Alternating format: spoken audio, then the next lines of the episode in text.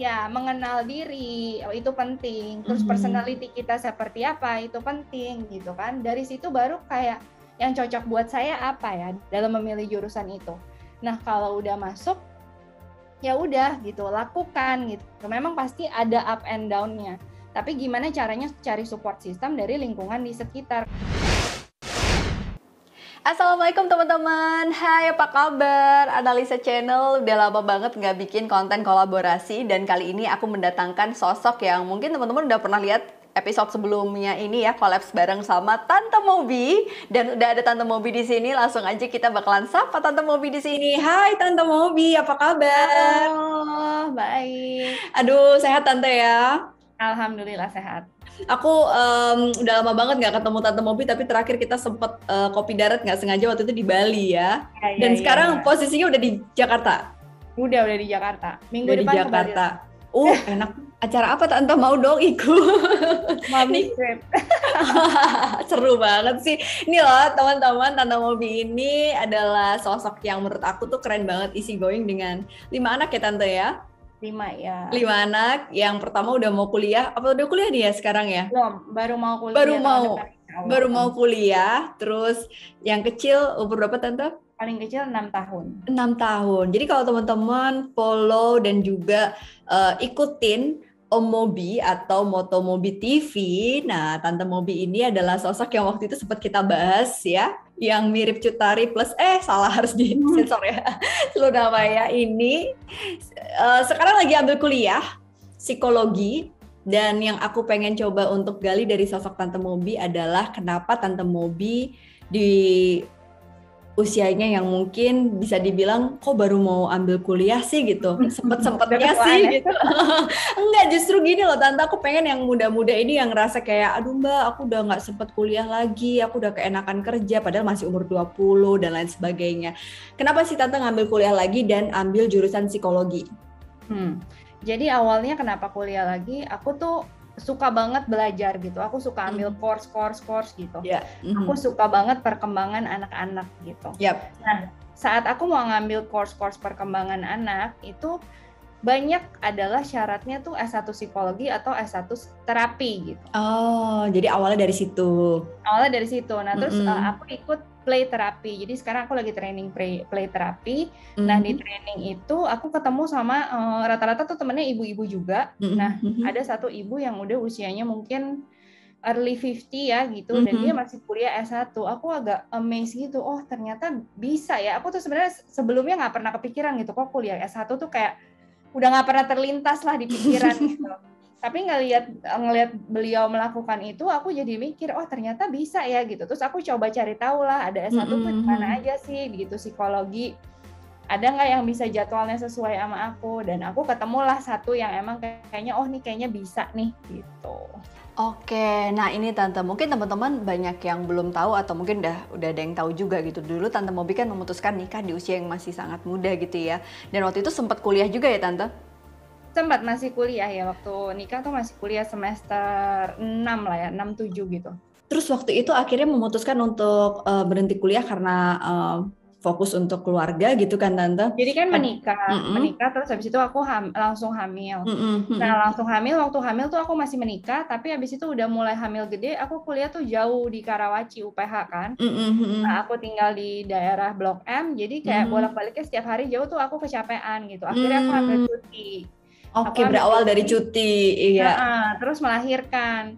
Melahirkan, nah jurusan yang aku ambil waktu itu adalah akuntansi, yang which is setelah aku melahirkan, aku ada waktu aku sama suami tuh nggak boleh kerja waktu dulu perjanjiannya, oke kita Oh. kawin, kamu tapi nggak boleh kerja ya. Jadi aku tuh mikir ngapain ya aku lanjutin kuliah lagi tuh buat apa gitu. Dan terus kayak eh, akuntansi pun kalau mau dipakai sehari-hari buat apa? Buat ngitung makan sayur gitu ya, maksudnya buat ngitung sayur gitu. Kayak, ah udahlah males lah gitu intinya. Sempat ada rasa nyesel nggak sih Tante ketika akhirnya setelah menikah, punya anak gitu kan, terus ngelihat teman-teman dengan kehidupan yang fasenya lulus kuliah, bekerja gitu. Tante sempat nggak waktu di umur-umur 20-an itu ada penyesalan kenapa dulu aku cuti dan berhenti kuliah ya gitu? Sebenarnya sih di umur 20-an nggak ada karena kan di umur 20 30 itu aku masih sibuk sama anak kan. Anak-anak Hmm. masih karena aku punya anak berturut-turut. Jadi kayak ya udah kayak dailynya bener-bener ngurusin Fokus. anak sehari-hari hmm. jadi udah nggak nggak kepikiran lah namanya sekolah lagi atau dan lain-lain. Nah di saat anak-anak semua udah mulai sekolah barulah di situ mulai berasa nih gitu. Hmm. kayak aku pengen belajar ya kalau misalnya aku mau mau ngapain ya gue sekarang nih gitu. Mau apa? gitu. Tapi kalau mau mulai sesuatu aku tuh nggak punya basic apa-apa aku bukan siapa-siapa aku harus mulai dari mana gitu ada sempat pikiran aku harus mulai dari mana? Ini ini. Yeah. ini tante yang uh, aku tuh kayak sering banget mendengar uh, statement ini juga gitu. Ketika pada saat kita tuh bingung di usia-usia 20, 30 atau mungkin di usia belasan gitu ya. Pada saat kita sempat berhenti bentar mau mulai laginya tuh kayak nggak tahu gitu. Tapi tante selama ini ya berapa tahun berarti tante jedanya tuh? 20 tahun. 20 tahun ngurus transkrip aku jadi waktu kuliah mm -hmm. tuh tahun 2000 ya angkatan mm -hmm. 2000 dan sekarang angkatan 2001 jadi beda 21 tahun terus ngurus transkrip itu gimana tante lama banget kayak nyarinya nah ini nih kayak aku sering sering sering ngeliat gitu uh, di kampus mereka yang kayak tadi tante bilang early 50 tapi kayak masih semangat banget untuk sekolah lagi gitu. Tapi ada juga yang udah semangatnya udah hilang pada saat usianya tuh masih muda gitu. Nah, tante sendiri pada saat kuliah ini teman-temannya umur berapa sih kebanyakan di ruang kelas itu? Uh, di ruang kelas sih kayaknya kebanyakan ya, kayaknya tuh kebanyakan 30 sampai 40 mungkin. Tapi yang 20-an pun, yang 18 pun ada. Yang 18 juga ada? Oke, okay. terus banyak tapi karena kuliah malam berarti ini uh, mereka bekerja ya? ya? Mereka bekerja dan udah praktisi juga gitu. Jadi memang kelasnya lebih banyak diskusi jadinya. Oh, sempet nggak tante ada perasaan minder atau ngerasa kayak, uh, aduh kok teman-teman aku tuh lebih ini ya, lebih itu ya gitu? Pasti pasti banget. Jadi pas waktu pertama-tama masuk nih ya, hmm. kayak ada teman-teman kuliahku ini dokter uh, dokter anak gitu dan hmm. menurut aku dia pinter banget dan karena ternyata aku baru tahu dari uh, followerku bahwa oh tante itu kan dokter TikTok gitu karena kan dia menjelaskannya tuh uh, apa ya dia bisa menjelaskan gitu ya. bahasa medis dengan dengan bahasa Baik. awam gitu jadi hmm. gampang banget diterima gitu terus uh, ada lagi yang satu yang lain udah konselor gitu memang mereka kan udah kayak itu emang udah bidangnya gitu ya jadi kan kayak aduh gimana nih belajarnya? Gitu kayak orang-orang pinter banget sih? Gitu. Tapi ternyata setelah dijalanin ya satu dua minggu aku ngerasa kayak gitu. Tapi setelah dijalanin oh ternyata mereka baik kok. Mereka kita mau saling bantu gitu. Dan memang ada seseorang yang lebihnya di sini mm -hmm. ada seseorang yang lebihnya di sini dan kita saling ngisi gitu. Oke, jadi akhirnya malah dapat support system itu gitu ya. Tapi namanya uh, rasa minder, nggak pede itu kayak natural terjadi pada saat iya, awal-awal ya, ya tante ya. Oke. Okay. ada lagi pernah pernah lagi kejadian nih. Jadi kita baru empat minggu kuliah, empat mm -hmm. minggu kuliah. Uh, terus kita ada quiz quiz pertama nih. Mm. Quiz pertama, terus kerjainlah kita. Jadi quiz itu kalau nggak salah 20 soal dan dikerjain dalam 20 menit pilihan ganda dan isian pendek gitu. Yap. Nah, pada saat semua ngerjain nih rata-rata dari kita semua ngerjain nilainya jelek. Terus gitu. kan kita bingung ya. Jadi kayak gini, kita nih ngerasanya aku pribadi sih, aku ngerasanya aku udah belajar. Aku setiap kelas masuk nggak pernah bolos dan aku dengerin. Terus habis itu aku belajar lagi. Kenapa kok aku nilainya masih jelek? Iya ya tante ya. Kayak um, apa ya? Kadang-kadang itu yang bikin tante jadi semangat atau justru tante malah ngerasa nyerah sempat ada keraguan sempat ada keraguan mm -hmm. kayak is this the right thing for me gitu ini aku mm -hmm. doang karena pertamanya kita nggak tahu ya saat dapat mm -hmm. nilai tes itu apakah aku doang yang jelek atau semua orang jelek tapi begitu kelas berikutnya ternyata semua orang merasakan Dapet. hal yang sama gitu jadi kayak oh ya ampun lega banget ternyata bukan cuma gue gitu. nah ini kalau kita bilang kan psikologi itu unik ya tante. Kita belajar tentang proses uh, manusia itu berpikir, merasakan sesuatu, berperilaku yang itu bisa kelihatan dan nggak kelihatan gitu. Nah, kalau Tante sendiri akhirnya memutuskan dari akuntansi ke psikologi, selain tadi karena Tante juga, aku tahu banget ya teman-teman Tante Mobi ini dari dulu rajin banget ikut kelas-kelas kursus dan lain sebagainya karena pengen optimal dalam memberikan stimulasi tumbuh kembang buat uh, kelima anaknya. Nah, apa yang akhirnya membuat oke okay deh kayaknya kayaknya psikologi nih ini yang apakah memang itu karena sambil tante juga akan merasakan manfaatnya buat kehidupan sehari-hari atau memang beneran pengen jadi psikolog nih tante? Jadi uh, awalnya itu aku kan masih labil ya, jadi aku tidak pernah karena hmm. ya kayak tadi dibilang kan aku selalu ngambil course ini, course ini A, B, C, D dari chef sampai jahit sampai dan lain-lain ada lah gitu. Tapi aku tuh aku suka belajar, tapi aku nggak bisa fokus pada satu bidang gitu. Kayak okay. kalau udah dapat kuncinya, and then aku udah kayak uh, udah what next, what next gitu. Yep. Nah terus pada satu titik, tapi aku ngerasa yang satu hal yang kayaknya nih ada terus gitu dalam fase hidup aku itu adalah kayak aku suka banget perkembangan anak. Aku suka banget hmm. nih ngamatin anak aku berkembang seperti apa. Apa sih masalahnya gitu. Nah, dari situ aku sempat ragu antara mau ambil psikologi atau keterapian. Atau oh, okay. terapi. Gitu.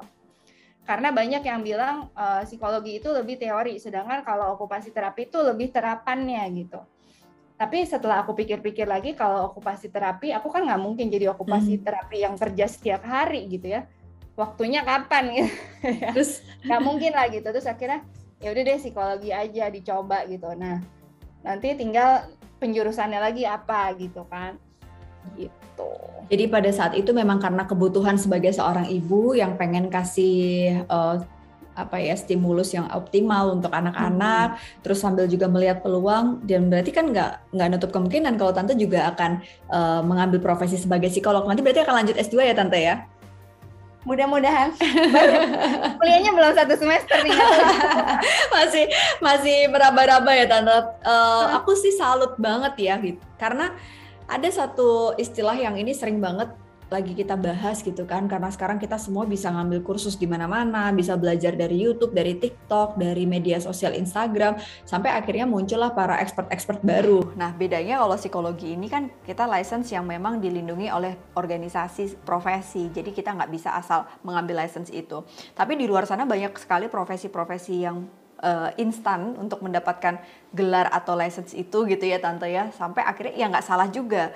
Nah pada saat kita terjebak pada keterbukaan informasi yang kita bisa dapat dari eh, media-media uh, sosial ini, digital media ini, tante, itu ada beberapa yang jadi share ini, share itu, nggak salah sih gitu. Cuma kayak terjebak pada rasa terlalu percaya sama apa yang diyakini, terus sampai akhirnya merasa orang lain itu di bawah dia gitu. Nah, muncullah para ahli bidang semua bidang kecuali bidangnya sendiri. itu disebut sebagai orang tuh boleh mengejar intelektual tapi harus kita iringi dengan humility atau kerendahan hati. Nah, ketika tante belajar begini gitu, um, apa yang membuat tante akhirnya tetap mau terus aku salutnya kayak nggak pernah ngerasa penuh gitu. Padahal kan kalau dipikir sekarang tante Mobi tuh udah udah ya ilmu dengan lima anak tuh menurutku lebih keren daripada kita kuliah S1 psikologi loh ya kalau menurutku langsung di lapangan. Apa yang membuat Tante itu tetap tetap curious untuk belajar sesuatu, tetap dap um, tentang ilmu, knowledge kayak nggak nggak pernah kurang gitu. Nggak kayak kayak selalu kurang gitu untuk belajar sesuatu. Jadi ini yang sempat jadi perdebatan juga sama aku dan Om Mobi saat aku bilang aku mau kuliah lagi gitu. Dia hmm. bilang buat, buat apa, sih kamu kuliah gitu? aku bisa bayangin. Yang kayak uh, kamu ambil aja course-course yang sebentar-sebentar kuliah tuh lama loh tiga setengah tahun. Are you sure gitu kayak tapi menurut aku kayak gimana ya aku mau belajar lebih jauh lagi dan untuk aku bisa belajar lebih jauh lagi pengen tahu lebih jauh lagi aku harus tahu basicnya dulu gitu. Mm -hmm. kalau aku nggak tahu basicnya ya aku susah untuk aku untuk maju ke atas ke atas lagi gitu. Dan menurut dia uh, buat apa kamu tahu basicnya? Kamu kan gini kan uh, kamu kan gini apa ya kayak cita-cita aku tuh dalam hati gitu dalam dalam diriku tuh aku pengen melakukan sesuatu untuk anak-anak di Indonesia ini karena aku hmm. ngelihat anak Indonesia itu sekarang banyak sekali uh, screen time dan indoor mm -hmm. yang mereka hmm. kurang sekali bergerak dan bermain. Aku pengen mm -hmm. banget anak-anak Indonesia itu bergerak dan bermain gitu. Mm -hmm. Tapi aku mau mulai dari mana ya untuk mencapai cita-citaku itu gitu. Apakah kayak aku ngomong sebagai tante Mobi orang akan dengar gitu? Yes. Siapa sih Tante Mobi? Dasar ngomongnya dia tuh apa gitu. Hmm, hmm, hmm, aku ngerasa aku perlu belajar dulu supaya aku bisa ngomong dan aku pede untuk ngomong itu gitu. Oke, nah ini nih teman-teman karena um, pasti kita punya satu motif ya, kita punya satu dorongan yang ngebikin kita melakukan sesuatu. Tante Mobi punya satu value bahwa ada yang harus uh, ini nih ada yang harus bisa speak up soal bagaimana anak-anak di Indonesia mendapatkan uh, stimulus tumbuh kembang yang optimal, tidak cuma screen time doang, apalagi pandemi ini gitu ya tante ya. Dan supaya bisa lebih menebarkan manfaat itu, tante pengen pengen ada di satu uh, keilmuan yang mendasar dan mendalam. Berarti sempat ada perdebatan antara tante sama suami ya, sama Mobi ya? Ya pasti. Sampai akhirnya dia bilang oke okay, yes gitu. Berapa lama tante buat meyakinkan pasangan? Nah ini mungkin buat ibu-ibu yang, aduh mbak aku udah punya anak mau kuliah lagi nggak ya nggak sempet gitu. Berapa lama sampai akhirnya ada diskusi dan deal? Uh, sebenarnya sih untuk meyakininnya nggak terlalu lama karena basically dia hmm. juga terserah aku. Tapi kayak dia hmm. lebih mempertanyakan kayak gini, yakin ya lo nggak buang-buang duit lagi terus berhenti di tengah jalan gitu. Lebih ini ya logis ya. terus terus ya udah tapi dengan sejalannya waktu tapi ini kan juga memakan waktu kuliah itu kan memakan waktu yang sangat lumayan banyak ya dengan yeah. harus kuliah tatap muka maksudnya tatap, zoom gitu ya zoom terus habis itu ada lagi harus ngerjain tugas dan mm. aku hmm. kuliah malam jadi otomatis oh, mau bi pulang tuh aku kadang masih kuliah atau aku masih ngerjain tugas nah itu dia rada-rada ada protesnya sih Oke, jadi ini uh, Mobi, um, aku ngerasa mungkin tante juga kayak pengen jadi orang tua yang selalu nggak pernah berhenti belajar gitu ya tante ya. Selain untuk anak-anak Indonesia juga pasti untuk anak tante sendiri gitu. Ada uh, sejauh ini hampir satu semester ada nggak pergolakan batin yang kayak oh ternyata teorinya begini, kok prakteknya begitu ya gitu. Kadang kan kita suka kebentur sama itu ya tante ya. Iya iya iya, banyak banget sih kayak yang ya walaupun belajarnya belum banyak tapi uh, aku awal ini belajarnya justru perkembangan anak. Jadi emang yang itu aku tertarik banget gitu kan. Jadi kayak oh uh, prakteknya begini kayak secara praktek kan sebenarnya aku tuh lulus banget gitu ya kayak mau tanya apa aja boleh deh teman-temanku juga kalau naik kalau anaknya kenapa tuh pasti nanya ke eh anak gue gini nih gimana ya gitu. Mm. Nah tapi uh, setelah ternyata setelah aku belajar teorinya kalau aku harus menjelaskan secara teori itu susah banget buat aku gitu. Mm-hmm. Kayak memahami dari segi teorinya ya, kayak menyambungkan. Aku tahu prakteknya kalau anak kayak gini harus kayak gini, gini, gini gitu. Aku tahu. Nah, tapi ngejelasinnya ya. Nah, kayak di saat ini teorinya yang mana, teorinya siapa? Nah itu bingung. iya iya iya. Aku uh, ingat sih di awal-awal semester itu kita masih benar-benar general banget ya tante ya, masih benar-benar uh, dan makin banyak penasarannya kayak muncul di semester awal ini nggak sih tante kayak oh ternyata gini ya oh ternyata gitu ya muncul pertanyaan-pertanyaan itu kah di semester awal tante? Iya muncul banget dan terus aku ngerasa ya karena kan gini ini kan kuliahnya juga online ya. Mm-hmm. Jadi awalnya aku tuh merasa kesulitan karena ternyata belajar online itu kita kan suka ngomel-ngomel sama anak-anak. Aku merasa bersalah sekali sama anak-anak. Ternyata belajar online itu susah banget. Iya, susah fokus gitu-gitu ya tante iya, ya walaupun kita dengerin kita hadir tapi kayak baru 10 menit tuh kayak tiba-tiba oting ada pikiran ini oting ada pikiran kayak susah banget. Dan apalagi kalau dosennya itu mengajarnya dengan satu arah gitu. Hmm. itu buat kita makin susah banget fokusnya. Akhirnya karena aku kesulitan lah awalnya aku kesulitan apalagi bagian teori-teori itu ya karena aku hmm, hmm, hmm. nggak nggak bagus ngehafal lah gitu. Akhirnya aku panggil tutor. Wow ya, tante ya, sampai ya, itu Iya, aku punya tutor. Sampai tutorku, Bu, saya sebenarnya minder loh, Bu, ngajar Ibu. Ya nggak apa-apa, orang saya nggak bisa nggak usah minder. Gitu. saya benar-benar nggak tahu gitu. Dan saya mau, mau diajarin gitu. Tapi dengan dengan adanya si tutor ini, terus saya bisa diskusi. Jadi kan setiap dijelasin, terus dia langsung tanya. Jadi menurut Ibu, apa? Ibu udah tahu sampai mana gitu. Jadi kan kita lebih diskusi ya. Di situ aku bisa lebih dapat sih. Lebih dapat ya. Wow, nih teman-teman, jadi kalau kalian itu kuliah doang, terus kayak ngerasa ngeluh karena banyak tugas dan lain sebagainya, ini Tante Mobi udah punya lima anak gitu ya, dengan kesibukan dan lain sebagainya, kuliah sampai panggil tutor, itu seminggu berapa kali tutorialnya Tante? Jadi kan aku kuliah tuh Kamis, Jumat, Sabtu ya, Mm-hmm. Uh, minggu aku libur, minggu tuh waktu buat keluarga. Uh, Senin itu kadang ada kelas, kadang enggak. Jadi Senin, Selasa, Rabu itu aku Senin, Selasa, Rabu, Kamis itu aku full tutor. Wow, itu jam berapa tante? Pagi, siang? Pagi, biasanya pagi. Jadi anak sekolah, tante juga belajar.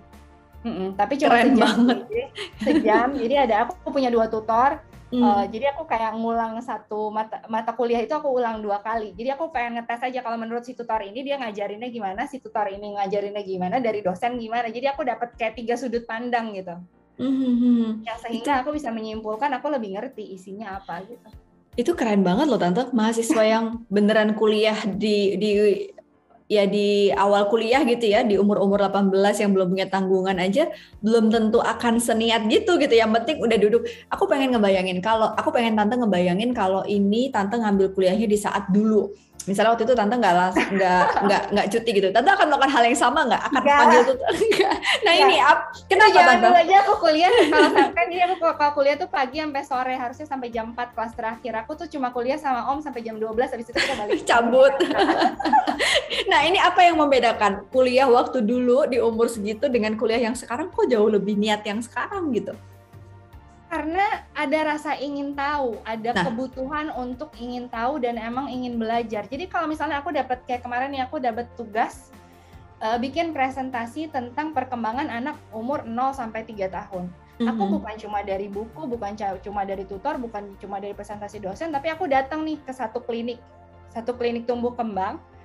Uh, tempat anakku terapi juga di Fiji Clinic. Nah, aku datang ke situ, saya mau ngobrol dong sama terapisnya. Saya mau, saya mau diajarin perkembangan anak itu menurut dia bagaimana dan saya mau sudut pandangnya dia teorinya apa. Jadi aku benar-benar uh, having like apa ya short keren. course gitu sama dia. Keren banget. untuk aku melakukan bisa melakukan presentasi itu gitu. Aku bisa bayangin si tante dulu waktu aku kuliah psikologi dan nggak online itu memang kita banyak banget kunjungan ke tempat-tempat uh, kayak gitu gitu. Nah makanya ketika sekarang lagi online ini challenging banget dan tante mencari uh, cara untuk dapat langsung praktikumnya dengan cara tante itu secara mandiri, independen berarti ya nggak sama ya, kampus. Hmm. Keren, keren banget nilainya udah ada yang keluar belum tante? nilainya udah kan yang yang jelek itu terus ada perasaan kayak aku udah sampai kayak gini gitu ya. Wajar banget ya, kalau tante. banget gitu. uh, karena uh, aku kasih aku kasih lihat nih soalku ke tutorku gitu. Kak coba dong lihat uh, aku nih salahnya di mana? Aku ngerasa aku udah belajar dan aku bisa tapi kok aku nggak bisa? Gitu. Jadi ternyata yang dikasih dosen itu adalah aku salahnya bukan karena aku nggak ngerti, aku ngerti konsepnya, tapi adalah uh, di situ soalnya itu twisting words gitu, oh, kayak membahas, permainan kata. Membahasakannya nah, ini mungkin ya. pelajaran juga buat para dosen-dosen atau guru di luar sana. Mungkin kalau anak lagi fasenya belajar, janganlah kasih yang twisting word dulu, pengertian basicnya aja dia belum ngerti, bener gitu. Iya iya iya bener-bener. Kayak soalnya eh, sejak ada quiz itu langsung ada empat orang yang drop out Oke, baik-baik. Uh, jadi harusnya sebenarnya lebih ke pemahaman yang mendasar ya. dulu ya tante ya gimana pemahaman yang dasar dulu kan ditanya hmm. dulu sebenarnya sejauh mana sih kalian tahu nih dari apa yang hmm. saya ajarin gitu kan kalau menurut hmm. aku ya kalau baru quiz nih hmm. mungkin nanti UTS bisa naik dikit lah tingkat kesulitannya mungkin hmm. nanti kalau di akhir semester barulah boleh ada twisting word karena memang uh, kecoba ya kalau misalnya Eh, kata-katanya diganti dia beneran ngerti nggak ya? Gitu kan sebenarnya. Iya iya benar-benar. Karena uh, sebenarnya bukan hafalan ya tapi memahami. Ya nggak sih tante? Ya. harusnya kalau kita belajar sesuatu. Wow ini menarik banget teman-teman ya. Um, kayak kalau aku jadi tante Mobi dengan segala challenge dan dan kesempatan ini kadang-kadang kita tuh terjebak pada momen yang sulit nih udahlah nyerah aja Tapi tentu masih semangat sampai sekarang. Ini kalau kita bilang tuh, oh ini ya namanya growth mindset. Bener-bener kita tuh kayak ngerasa mencari challenge untuk kita naik kelas. Kalaupun sulit kita coba lagi, kita coba lagi. Nah gimana apa yang pengen temen, uh, tante sampein kepada teman-teman yang sekarang mungkin masih di usia 18-19 di bangku kuliah kalau tante bisa ngulang gitu ya, penyesalan apa yang dulu tante nggak lakukan dan sekarang tuh tante lakukan gitu. Ini kayak what do you want to say kepada mereka tante? Jadi kalau pertama ini karena anakku umur 17 juga ya. Jadi aku yes. ada dua fase nih sebagai ibu dan sebagai mahasiswa. Jadi uh, coba kenalin diri dulu sendiri gitu. Mm -hmm. uh, bisa bisa nggak kenalin diri sendiri. Kalau nggak bisa cobalah cari psikolog atau karir konsultan yang memang mm -hmm. bisa menolong hmm. lakuin yang namanya tes minat bakat gitu. Hmm. Tes minat bakat itu benar nggak sih? Nggak tahu. Aku harusnya 100% benar atau enggak sih? Aku sih ngerasa dulu waktu tes minat bakat aku ininya akuntansi loh gitu tapi ternyata oh, enggak iya kan emang emang itu harusnya di-upgrade sih tante Jadi terus kayak, terus paling nggak eh, konseling ya konseling untuk ya. tahu apa sebenarnya minat kita gitu. Ya mengenal diri oh, itu penting. Terus Mhm. personality kita seperti apa itu penting gitu kan. Dari situ baru kayak yang cocok buat saya apa ya dalam memilih jurusan itu. Nah kalau udah masuk ya udah gitu lakukan gitu. Memang pasti ada up and down-nya. Tapi gimana caranya cari support system dari lingkungan di sekitar. Kalau kayak saya nih misalnya aduh susah banget belajar sendiri oke cari tutor gitu Mhm. atau misalnya aduh susah banget belajar sendiri cari kerja kelompok gitu belajar kelompok gitu gimana caranya yang bisa support kita yang buat kita seneng gitu Oke, kenali diri sendiri, pahami benar kenapa kita mau belajar itu, sampai ke akhirnya kalau mengalami kesulitan cari support system ya untuk terus semangat. Baik, Tante Mobi, ini obrolan singkat yang menurut aku sangat eh, menginspirasi. Yang jelas sekarang kan online semua ya, sekolah, kuliah, kerja gitu kan. Itu rasanya melelahkan. Tapi justru ini menjadi satu kesempatan buat mereka yang menjalankan banyak peran, tapi pengen belajar dan gimana tantangannya untuk terus semangat dan nggak gampang nyerah. Makasih banget Tante Mobi, ditunggu sebagai rekan sejawat aku nantinya. Masih panjang, doakan perjalanan masih panjang tapi it wouldn't be long time kok. Tahu-tahu udah lulus aja nanti, percaya aja Tante. Jadi aku rasa ini menginspirasi nggak cuma buat para generasi muda ya, tapi para ibu-ibu juga yang yang sebagai eh, orang tua bahwa nggak ada kata terlambat untuk kita bisa belajar sesuatu, nggak ada kata terlambat untuk kita dapat uh, self fulfilling ya tante ya. Mungkin kalau ada orang yang bilang, eh ngapain sih tante Mobi, apalagi sih yang dia cari kayak kurang ini banget, kurang kerjaan banget. Tapi itu tuh fulfill fulfillment nggak sih tante kayak merasa puas sama diri sendiri, merasa oh ini adalah tante Mobi, bukan hanya sekedar istrinya Om Mobi atau ibu dari lima anaknya, tapi ada sosok sebagai diri tante Mobi sendiri. Itu yang uh, menurut aku keren banget dari sosok tante Mobi hari ini. Makasih banget tante Mobi, uh, sampai ketemu di Sumpah Profesi Psikologi. Semangat kuliahnya. Thank you teman-teman. Kalau kalian suka sama konten ini, kalian bisa langsung subscribe. Terus juga Tante Mobi punya YouTube channel loh. Boleh kasih tahu Tante YouTube channelnya apa nih Tante? nah, tante Mobi Tante Mobi dan Tante Mobi udah janji bakalan banyak sharing pelajaran dari kampus dan pelajaran dari rumah gitu ya sebagai seorang ibu dan juga sebagai seorang mahasiswa yang sedang mengambil jurusan psikologi di umur yang mungkin udah tidak lagi muda tapi spiritnya nggak kalah sama yang muda-muda. Makasih ya Tante Mobi ya. Sehat-sehat. Assalamualaikum. Waalaikumsalam